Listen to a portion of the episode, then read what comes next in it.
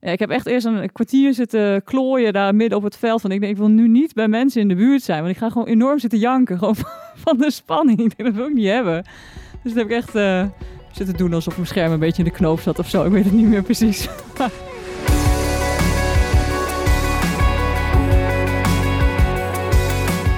Hallo, leuk dat je luistert naar Vliegpraat. De podcast waar het alleen maar gaat over paragliden.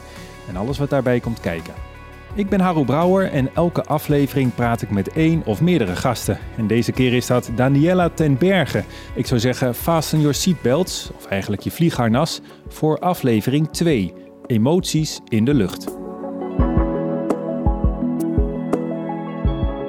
Daniela, super leuk dat ik jou uh, mag spreken voor deze podcast. Ja, zeker. Vind ik ook heel leuk. Leg even uit, wie ben je? Nou, ik ben uh, Daniela ten Berge en uh, ja, ik ben helemaal gek van vliegen. We nemen dit interview op in Zwolle. Ja. In een enorme ruimte met heel veel glazen ruiten. Waar zijn, waar zijn we? is mijn eigen. Ja, ik heb een creatief centrum met onder andere danslessen. Dus we zijn nu in een uh, grote danszaal. Corona-proof op uh, anderhalve meter afstand aan een grote tafel. Ja, in deze podcast over paragliding begin ik altijd met uh, vijf vragen. In welk jaar maakte je je eerste solovlucht? Um, ja, nou ja, welk jaar weet ik niet precies meer. Ik heb één keer een heel klein hopje gemaakt van 10 meter of zo. Volgens mij was dat in 2012 of zo. Maar dit tel ik eigenlijk niet mee. Dus mijn echte eerste solo-vlucht, mijn goede vlucht, was in 2017. Een normaal harnas of een lichtharnas? Een normaal uh, harnas. In welk land zou je nog eens willen vliegen? Oeh, um, ja, jeetje. Nou ja, ik heb niet echt voorkeur. Uh, ik zou wel uh, ooit zo goed willen zijn dat ik in, uh, in Spanje kan acroen. Want ik heb gehoord dat je daar in een thermiekbel omhoog kan. En dan kun je acroen naar beneden. En dan kun je in de thermiekbel weer omhoog. En dan kun je er zo lekker een heel uur achter elkaar... Op en neer. Blijven spelen. Stuiteren. Ja, want het is nu maar veel te kort, zeg maar. Wat is je favoriete startmethode? ik vind toch achterwaarts denk ik wel het fijnste. Want dan heb ik wat toch net wat meer zicht op mijn scherm. En dan heb ik ook net wat meer vertrouwen in dat hij ook echt goed is. Ook al gaat voorwaarts eigenlijk ook altijd goed. Maar ja, goed, die controleblik, dat, uh, dat werkt niet altijd. Groepsdier of solist? Solist.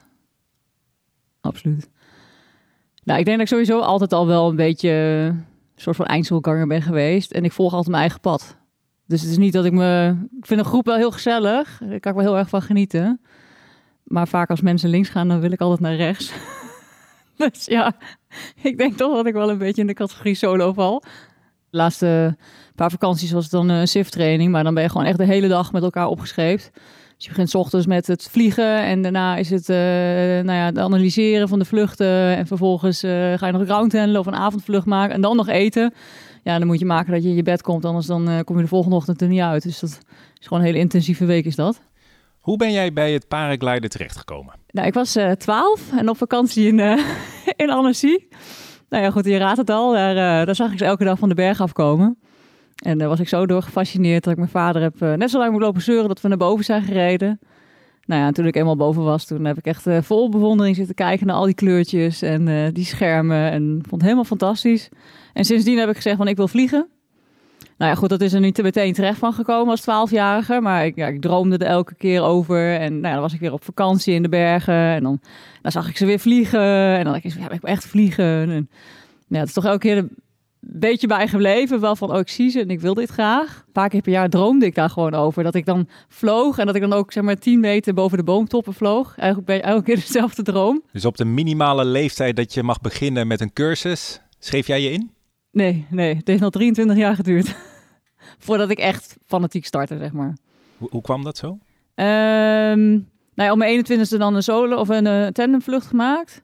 En toen had ik zoiets van, nou, dat moet ik dan alleen doen. En toen heeft dat nog weer een aantal jaar geduurd voordat ik echt meeging met een uh, zo'n uh, zo'n ja, zo'n mini-cursus, zeg maar, in Sauerland.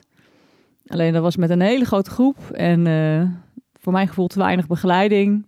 En toen heb ik inderdaad één hopje gemaakt. En voor mijn gevoel vloog ik recht naar de prikkelbosjes toe. En ik wist niet wat ik moest doen. En toen heb ik maar heel hard volgens mij uit de lucht gestald.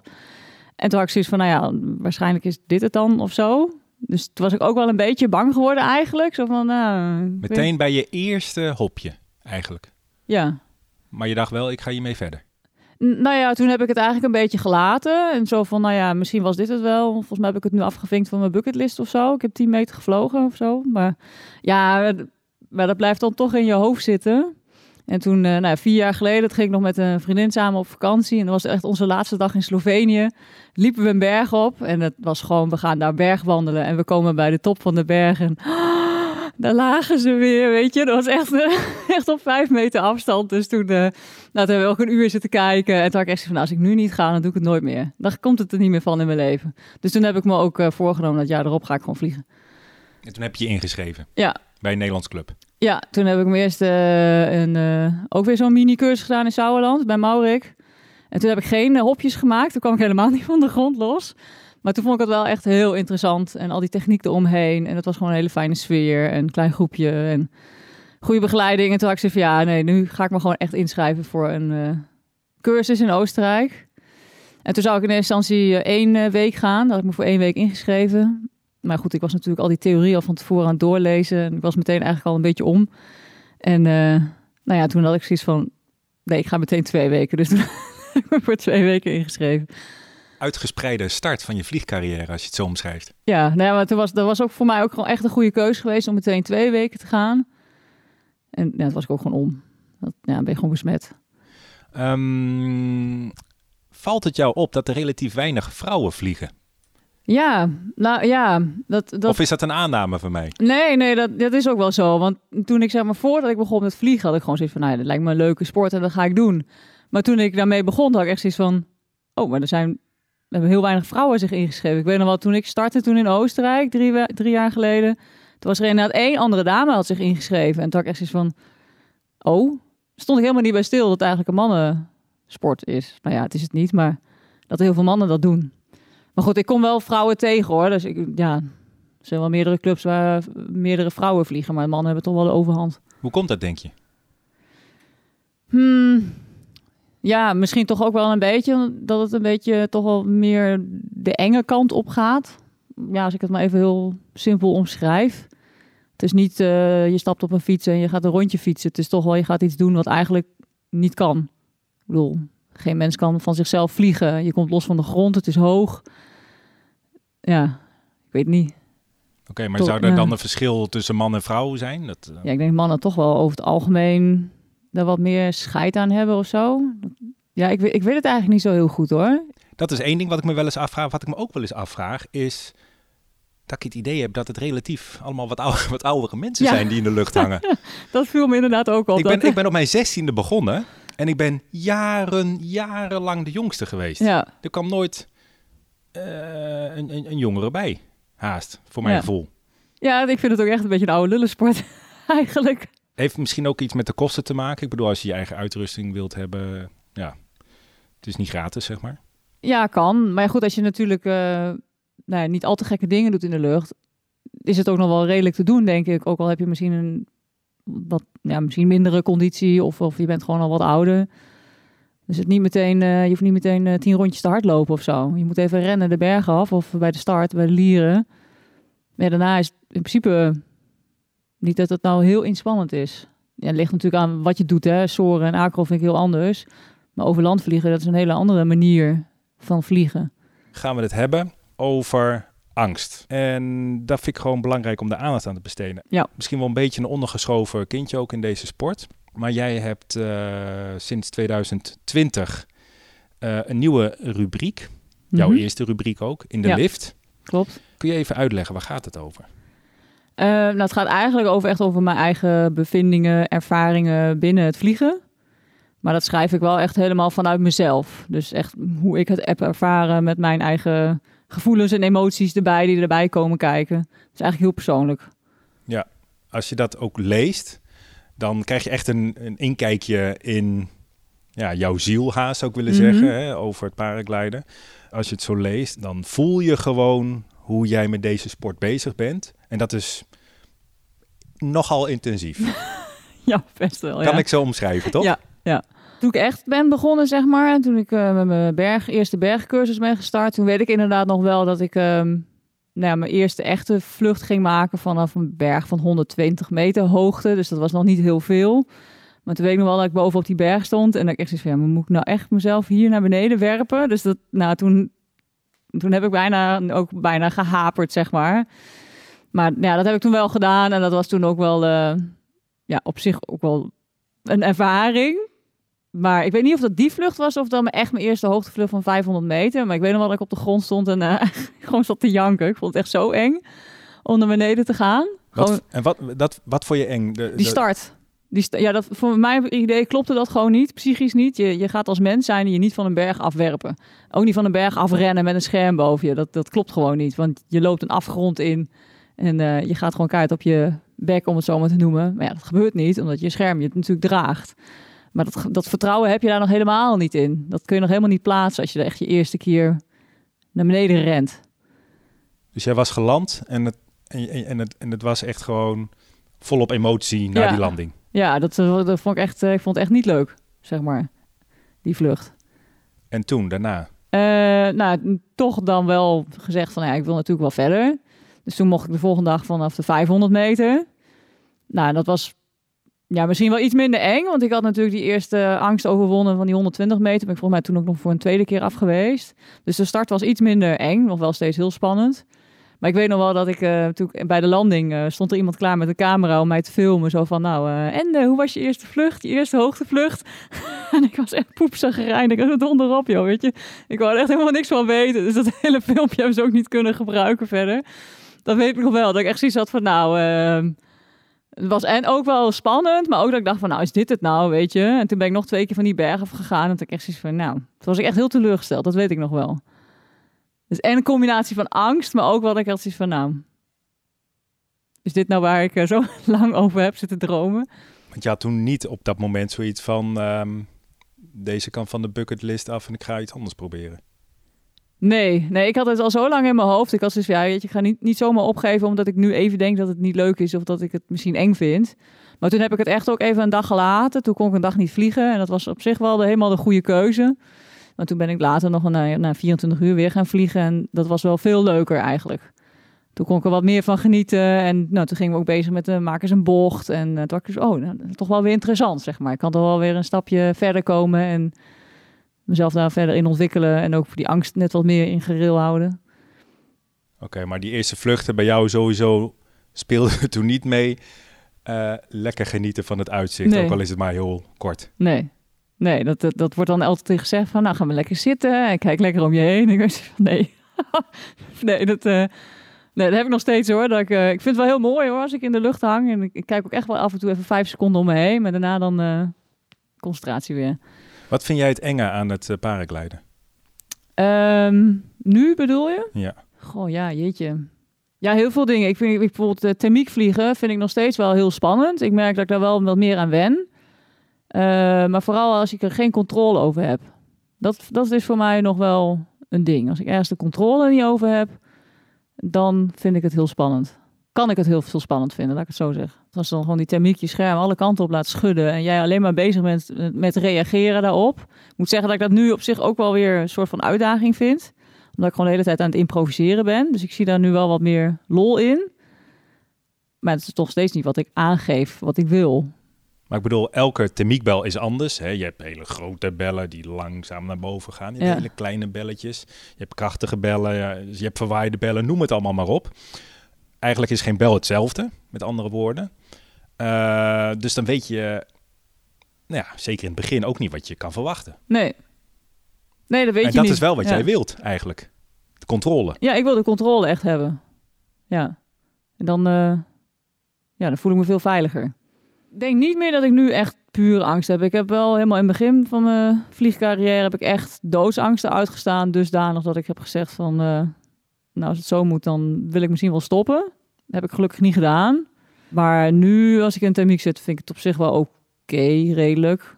Voor mijn gevoel kan, kan ik het nog net aan qua angst. Maar ik heb wel echt zwetende handjes en eh, ik wil gewoon naar beneden. En ik heb echt zoiets van, nou, dit vind ik helemaal niet leuk. En dan is iedereen helemaal euforisch van, oh, we blijven lang in de lucht en kunnen we lang vliegen. En ik heb echt zoiets alleen maar naar beneden en laat mij maar op de grond staan. Dit heb je nog steeds. Nou, de afgelopen jaar heb ik dat niet even echt ervaren. Dus ik denk, ik denk dat dat wel weer minder is. En daar hoop ik natuurlijk ook gewoon op. hoe je het paragliden wilt beheersen. Dat beschrijf je ook in de Mhm. lift met eh, je eigen rubriek. Deel je dat met anderen. Mhm. Maar bespreek je dit überhaupt wel eens? Ja, nou ja, ik, ik flap het er altijd wel gewoon uit. Als iemand vraagt van hoe was je vlucht en ik heb gewoon echt een kutvlucht gehad, dan zeg ik dat ook gewoon. En dan? Nou ja, dan zit ze me altijd een beetje vreemd aan te kijken. dat dan weer wel, zeg maar.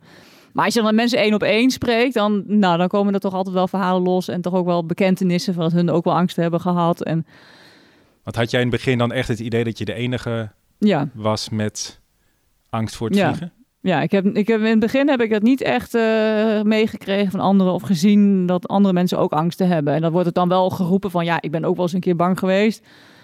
Maar voor mijn idee was dat gewoon eh, iets wat gewoon de hele tijd aanwezig was. Is het een taboe? Ja, vind ik wel. En iedereen beleeft het weer anders. Laten we even luisteren. Vanuit de parachutespringen wist ik wat stollen was. Dus ik ging gewoon het stolpunt opzoeken van een scherm. Dus ik ehm, ging dat proberen.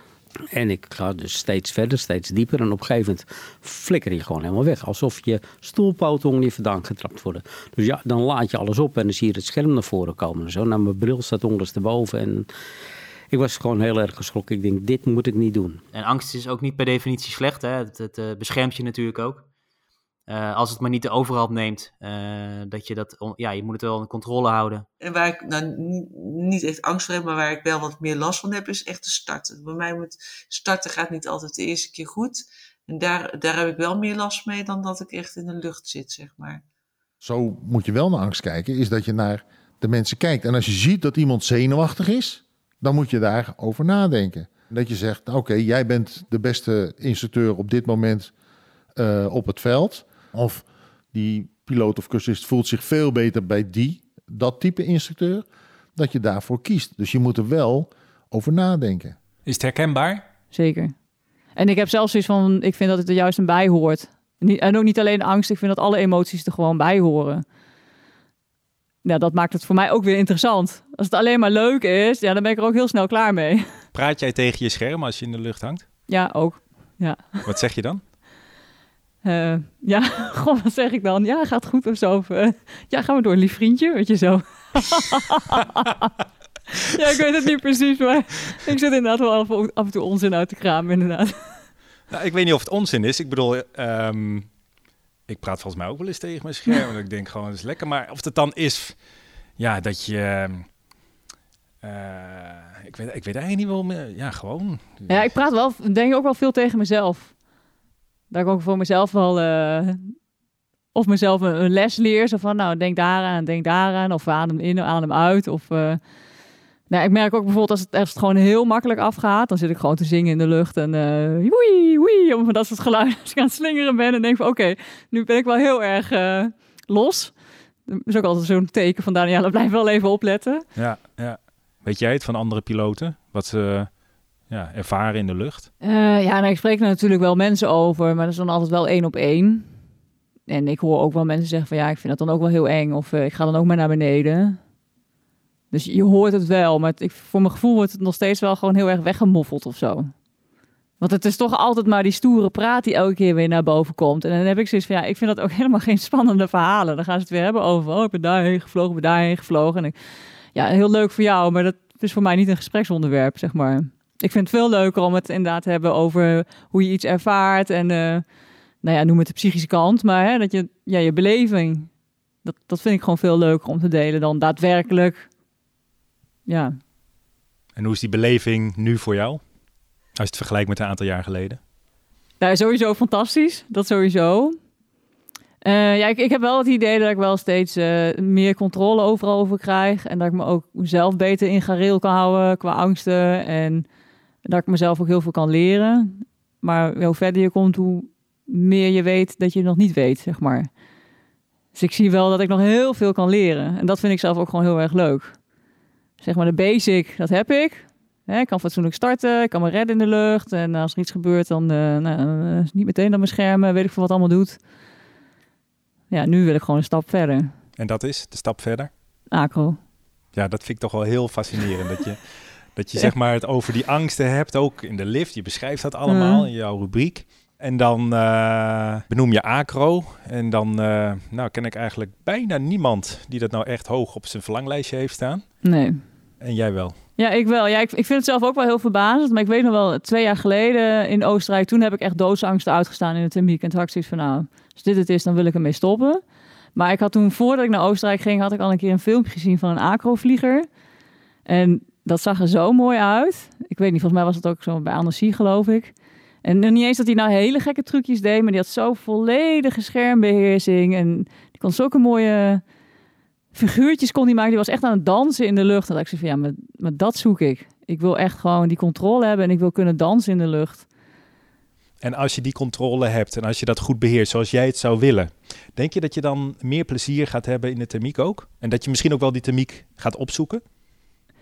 Ja, dat denk ik wel. Ik bedoel, ik, ik kan nu bijvoorbeeld stijlspiralen. Dus ik kan nu, ik weet nu gewoon van nou, als het thermiek echt heftig wordt en ik wil naar beneden, dan kan ik altijd naar beneden.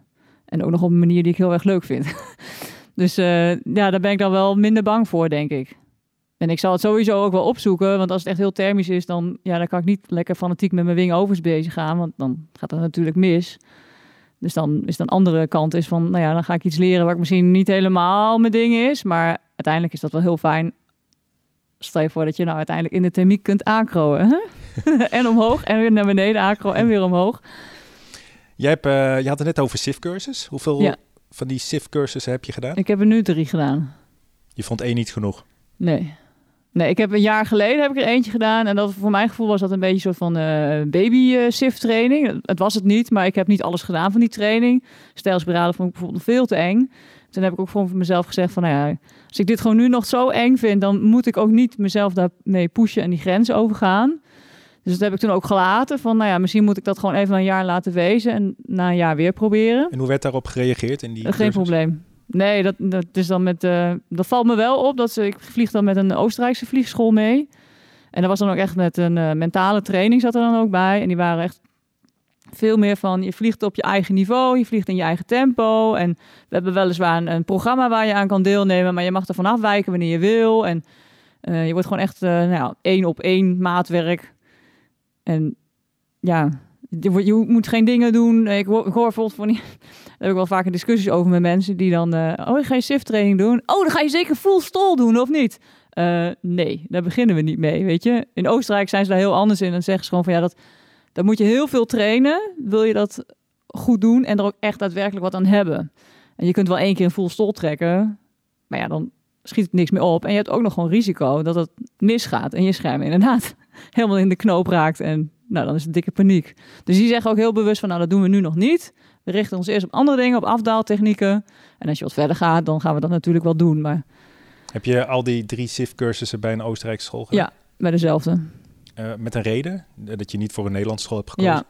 Ja, ik wou toch wel heel graag uh, bij een school en sowieso met een acro-piloot. Dus iemand die het gewoon ook van de praktijk heeft gezien en niet alleen maar uit een boekje. En iemand die het gewoon heel veel van die trainingen geeft. Dus niet twee keer per jaar gaan we naar Turkije en we gaan jullie eens even met een voelstol naar beneden laten komen. Dus ik, ja. En uiteindelijk heb ik toen een cursus gevonden die ook echt meer de mentale kant op ging. Dus dat was voor mij wel een hele geruststelling. Zo van, oké, ik mag ook gewoon die angsten hebben, zeg maar. Ik mag het er ook over hebben. En... Maar heb je het gevoel dat dat elders niet kan? Dat gevoel had ik toen wel. Ik weet niet of dat echt terecht is.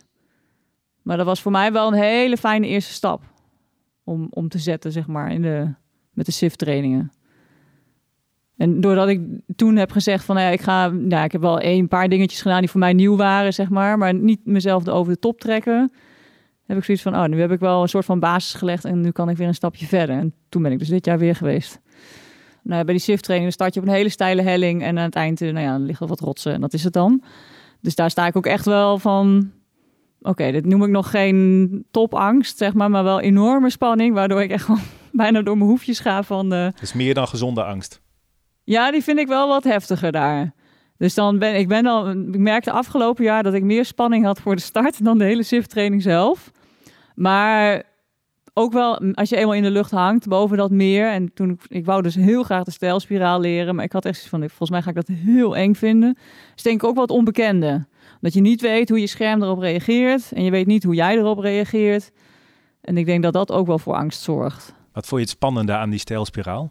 Nou, ik wist niet hoe hard die zou gaan. En ik heb dan in Nederland wel eens een keer een snel rondje gemaakt. En toen voelde ik al van die G-krachten. Maar het bleek dus nog veel harder te gaan. En het ging dus ook echt heel hard voor mijn gevoel. Nou, ik weet nog wel, ik zat te janken in de lucht. Gewoon van, omdat ik het en heel graag wou, maar ook volgens mij ook gewoon pure angst. Maar dat, eh, En toch die emotie, hè? de- Ja. jij laat dat heel makkelijk toe. ja, ik, ik, kon, ik ontkom er niet aan. Ik kan, het, ik kan het niet verbergen, weet je. Dus ik, ben, ik, ik was geland. Ik kon nog, nog maar amper fatsoenlijk landen, weet je. Dus ik ben geland en ja, ik heb echt eerst een kwartier zitten klooien daar midden op het veld. Van ik denk, ik wil nu niet bij mensen in de buurt zijn. Want ik ga gewoon enorm zitten janken, gewoon van, de spanning. Ik denk, dat wil ik niet hebben. Dus dat heb ik echt eh, zitten doen alsof mijn scherm een beetje in de knoop zat of zo. Ik weet het niet meer precies. Maar het was wel gelukt. Het was wel gelukt. Ik was echt mega trots, echt. Ja, En daarna nog een keer en nog, nog een een keer. keer, nog een keer. En nu kan ik hem gewoon alleen. Doe ik hem ook gewoon in Nederland. En, eh, Je hebt drie SIF-trainingen gedaan. mhm. Komt er nog een vierde? En de vijfde en de zesde heb ik al geboekt. En wat wil je daar leren? asymmetrische spiraal en de SAT. En ik denk zelf, ik, voor mijn gevoel leer ik niet zo heel snel. Het heeft bij mij altijd wat verwerkingstijd nodig. Dus ik heb zoiets van, nou, ik wil hier gewoon nu een begin mee maken. En dan in de zomervakantie wil, ga ik twee trainingen achter elkaar doen. En dan wil ik dat verder uitbreiden. En dan hoop ik aan het eind ook een looping te kunnen maken. ik weet niet, ik heb nu wel eens iets van, nou ja, weet je, zo'n asymmetrische spiraal en SAT. Ik denk dat ik dat allemaal wel wat trek qua angst. Wat is een SAT? Eh, dat is zeg maar, ja, het lijkt een beetje op een spiraal. Alleen dan zit je, eh, hoe heet dat punt? Dan draai je niet, je, normaal gaat je draaien om je scherm heen bij een spiraal. En bij een SAT zit dat, eh, dat draaipunt zit zeg maar tussen jou en het scherm in. Dus je draait minder hard, dus minder G-kracht op je lijf. En je vliegt uiteindelijk achteruit, dus je draait achteruit. Maar ik weet wel, als je niet op het juiste moment eh, trekt, want dat is een beetje het nadeel van de asymmetrische, of niet van de asymmetrische, maar van de, van de SAT, dan kun je inderdaad wel in een negatief terechtkomen. Ben je wel eens in een negatief terechtgekomen? Eh, ja, opzettelijk. Dat was ook onderdeel van de SIF-training. En wat heb je toen gedaan? Ja, je leert daar eigenlijk alleen maar om hem negatief te trekken, zodat je voelt wanneer het te veel is. En dat is meteen handen hoog. En dan, eh dan fladdert je scherm gewoon weer vrolijk verder. Maar het is meer om het te herkennen, bijvoorbeeld als je in een thermiek vliegt en je gaat een krappe bocht in, dat je scherm in één keer week kan worden. En eh, ja, als je dat gewoon te lang vasthoudt, dan gaat het echt wel mis. Dus je, je, meer dat je het leert herkennen. Het kan heel snel gaan, hè? Ja, in de dat- negatief. Ja, dat gaat echt heel snel. Dit is echt heel interessant. Om het gewoon zo lang Ja. hierover te hebben. Ja, ik kan er ook niet, ik raak er ook niet over uitgepraat. vind het ook gewoon, ik vind het heel boeiend eigenlijk. Gewoon van hoe reageer ik? Kijk, ik kan het niet voor andere mensen bepalen, maar wel voor mezelf. Van hoe reageer ik daarop en wat doe ik er ook mee? En, en, en ook gewoon het, het proces van, ik vind die zit doodeng en dan vind ik het steeds iets minder eng. Ik weet nog wel, in het begin vond ik alleen een bocht draaien vond ik al eng. En dan ga je op een gegeven moment bezig met een roloefening. Nou, dan sling je een heel klein beetje heen en weer. Nou, oeh, dat was het dan toch wel heel erg. Ja, en nu ga ik gewoon bijna over de kop. Weet je, dan zie ik mijn scherm van de onderkant met eh, het water of het gras op de achterkant, op de achtergrond. En dat, vind ik dan vind ik zo'n grappig proces dat je, ondanks dat je het toch elke keer spannend vindt, toch elke keer weer een stapje verder kunt en je grenzen dus eigenlijk verlegt. Daniela met de looping. Ja, ik weet ook niet of dat gaat lukken dit, deze zomer, maar dat eh, lijkt me wel een heel mooi streven. Het is me wel verteld namelijk van, nou ja, eh, dat is wel de volgende stap. Maar dan moet je dus eerst een asymmetrische spiraal kunnen. Nou, ik filmpjes te kijken, begrijp er nog niet veel van. Dus daar heb ik gewoon echt tijd voor om dat te begrijpen. Van wat doe ik nou eigenlijk? Maar jouw kennende ga je daar helemaal in verdiepen. Ja, ja, en in ieder geval gewoon met die cursus heb ik zoiets van, ja, ik geef mezelf daar ook gewoon de tijd voor. Dus daarom heb ik ook zoiets van, nou, ik ga gewoon eerst een cursus doen en dan, nou ja, die in juni, zeg maar, voor mijn gevoel maak ik dan misschien helemaal geen stappen voorwaarts. Maar dat ik wel een soort van basis ga leggen van qua gevoel van wat moet ik nou precies doen. En vaak als ik dan een paar maanden verder ben, in één keer is het, het knopje gaat dan om en in één keer lukt die. Dat heb ik best wel vaak meegemaakt. Dat ik gewoon even moet laten zakken of zo. Stel je even voor, je bent een huisbel ingevlogen op een fantastische stek. Je hebt hoogte gepakt. Je gaat Akelwoord naar beneden. Je vliegt weer dezelfde huisbel in. Je gaat Akelwoord naar beneden, eindigt met een looping. Hoe kom jij op de grond terecht? Hoe Het, voel, je, het meest ideale hoe voel jij je als je op de grond eh, landt? Ja, dan ben ik wel eh, helemaal eh, shaky en heel veel adrenaline. Kan ik nog net fatsoenlijk landen. Dat is toch wel, dat is dan toch ook wel een heel spannend moment. Dan moet ik me echt wel even weer focussen van, oké, nu komt er een landing aan. En vaak is dat op een stukje waar ik oefen ook altijd met nul wind. Dus dan is het ook allemaal wel even, nog even wat spannender. Dus ik moet echt mezelf echt nog even weer herpakken van nu focus. Want je krijgt nu ook nog een belangrijk deel en dat is de landing. Als je het acro weer zo meteen helemaal beheerst, Is dat dan ook iets waarbij je denkt aan wedstrijden? Mm, nee. Nee, dat, ik, ja, ik denk tegen de tijd dat ik... Nou, ik ben van het zomer ben ik iemand tegengekomen en die vertelde over een acrovlieger van, ehm, van 78 jaar. en toen zat ik te denken van oké, ik heb nog 40 jaar de tijd om het, eh, om het te leren. maar goed, ja, wedstrijden zie ik echt allemaal van die jonge gastjes van of 25. En dat ja, lijkt me op zich wel heel komisch als ik dan als een eh, halve oma er dan straks tussen vlieg. Maar Nou, ik denk dat je jezelf nu een beetje onderschat. Ja, nee, het is, niet, het is niet mijn doel of zo. Ik wil het gewoon echt voor mezelf doen. En ehm, ja, ik zeg nooit nooit, weet je. Dat, ja, maar dat, dat, dat is niet dat ik dat nu eh, bedenk. En de angsten? Eh, ja, die zullen er ook blijven, blijven. Maar ik denk wel dat, dat, dat ik dat steeds beter onder controle krijg, heb. Eh, afgelopen jaar heb ik eerlijk gezegd ook niet... Ja, die stijlspiraal, dat was dan wel echt voor mij echt wat ik. Oh, waar ga ik nu weer aan beginnen? Weet je, ik verklaarde me echt voor gek. En dat heb ik nog steeds wel als ik nu in de lucht zit en ik ga dat oefenen. Nou, dan moet ik echt even drie keer ademhalen van... Oh, Daniela, waar ben je mee bezig? Nou, en dan trek ik hem erin. En ja, dan vind ik het wel heel erg gaaf. Dus ik denk wel dat ik die angsten... ja, dan ga je ook steeds meer mee verder. Maar dan ontwikkel je weer nieuwe angsten, want dan ga je weer een figuurtje doen die ook weer heel erg spannend is. Zoals die looping bijvoorbeeld. Ja, ik kan er nu gewoon al zenuwachtig van worden als ik die van het zomer wil doen.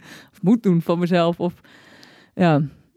Dus ik, die angsten zullen er altijd blijven. Alleen waar je eerst bang voor bent, daar ben je nu niet meer bang voor. En je gaat er ook van genieten. Ja, zeker. Ik heb het ook gewoon nodig. Welke tip wil jij geven? Nou ja, weet je, ik vind zelf bijvoorbeeld groundhandelen vind ik heel erg leuk. Ik heb ook wel eens gehoord van als je een goede vlieger wil zijn, dan moet je 50% vliegen en 50% groundhandelen. Dus ik wil eigenlijk mensen de tip geven, ga heel veel groundhandelen. En dat kan namelijk ook op het moment als het net iets minder vliegweer is. En je kunt dat thuis doen, dus je hoeft niet per se daar eh, voor in de berg te zijn of op een lierveld. Je kunt zelf een weilandje zoeken en eh, ja, ga daarmee aan de slag. Superleuk uh, om je gesproken te hebben. Ja, zeker, insgelijks. Nee, toch nog één ding. Ik wil nog één ding weten. Wat is je favoriete kleur? Roze. Want um, ik heb je wel eens boven op een berg zien staan. en dan dacht ik, Daniela, die pik je er wel meteen uit. ja. ja, klopt. roze helm. Ja, met glitters. Ja. Wat heb je nog meer? Roze pak? Ja, roze, roze kleding en uh, roze tas en dat soort dingen. ik wens je heel veel plezier. Dankjewel. Tot zover deze vliegpraat. Vond je dit een leuke aflevering? Laat dan vooral even een recensie achter. Dat kan in de app die je gebruikt om naar Paragliding Vliegpraat te luisteren. Heb je vragen of opmerkingen of tips? Wat wil jij graag horen in deze podcast? Mail me harro.hebmp.nl Staat voor Harro Ewoud Brouwer Media Productions. Vertel je vliegvrienden over deze podcast en app iedereen waarvan jij denkt dat hij naar Vliegpraat zou moeten luisteren. Vergeet je niet te abonneren, dan zie je meteen wanneer er een nieuwe aflevering online staat. Tipje van de sluier over de volgende aflevering? Oké, vooruit.